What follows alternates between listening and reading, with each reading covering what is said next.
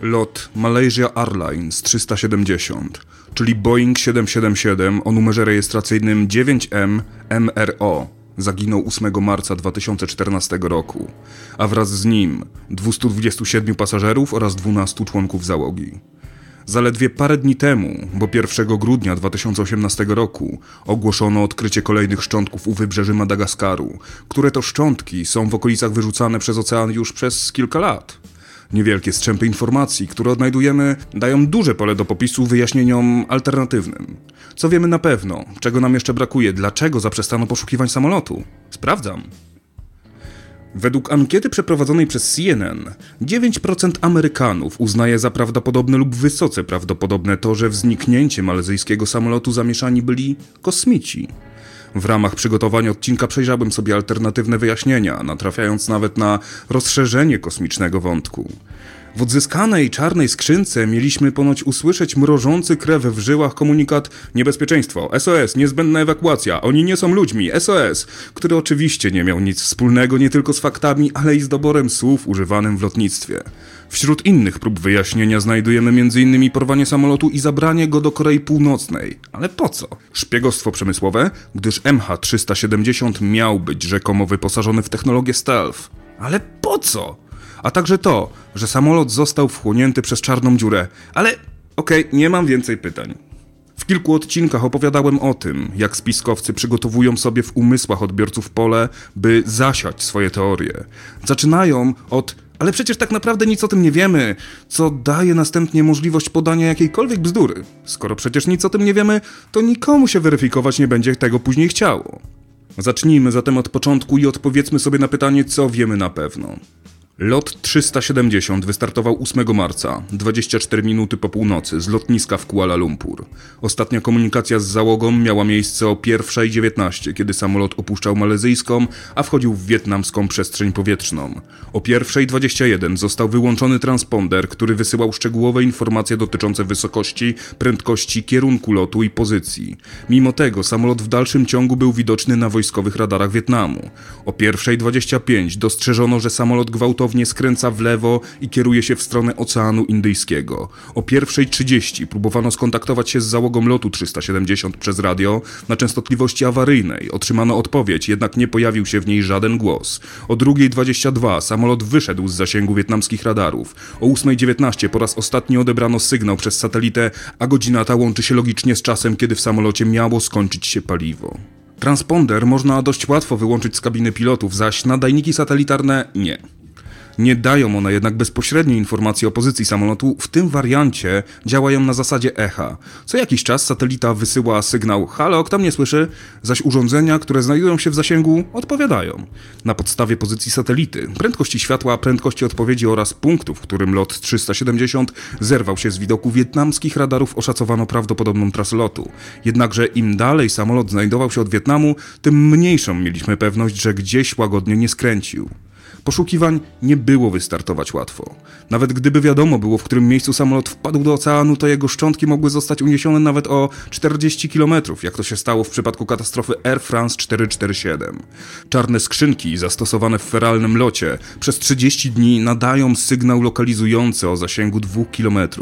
Jednak dopiero po 24 dniach odpowiednio wyposażonym jednostkom udaje się dotrzeć na obszar poszukiwań. Wykorzystywane są też hydrofony, podwodne mikrofony, których pierwotnym zastosowaniem miało być wykrywanie tajnych prób atomowych.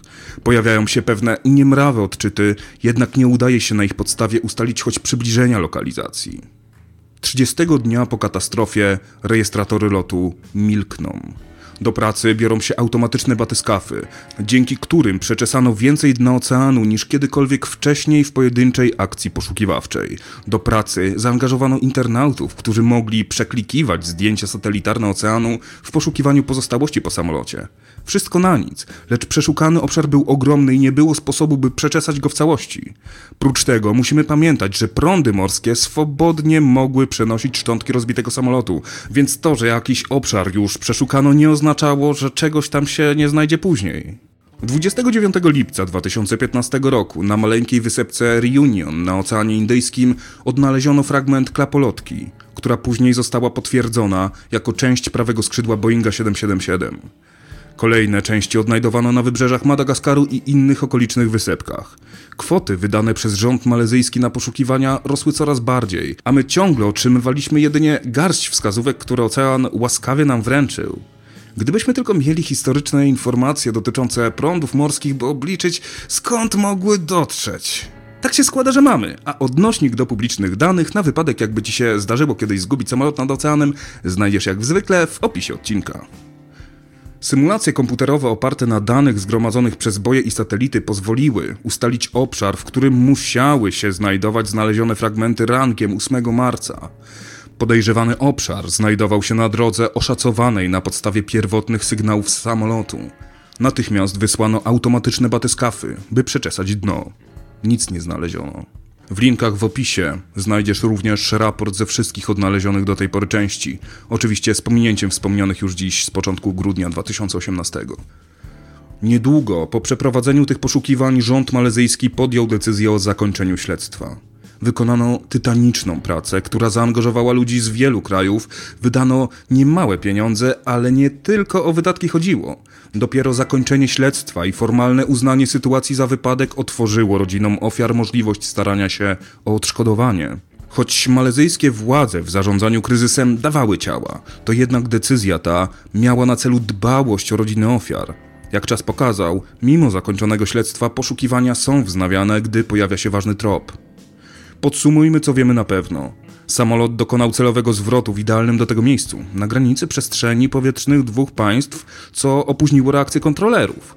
Skierował się również w idealne miejsce, gdzie bardzo ciężko byłoby go znaleźć. Transponder został wyłączony tuż przed zwrotem, lecz silniki pracowały do 8 rano. Wyklucza to poważną awarię maszyny, która mogłaby spowodować zwrot.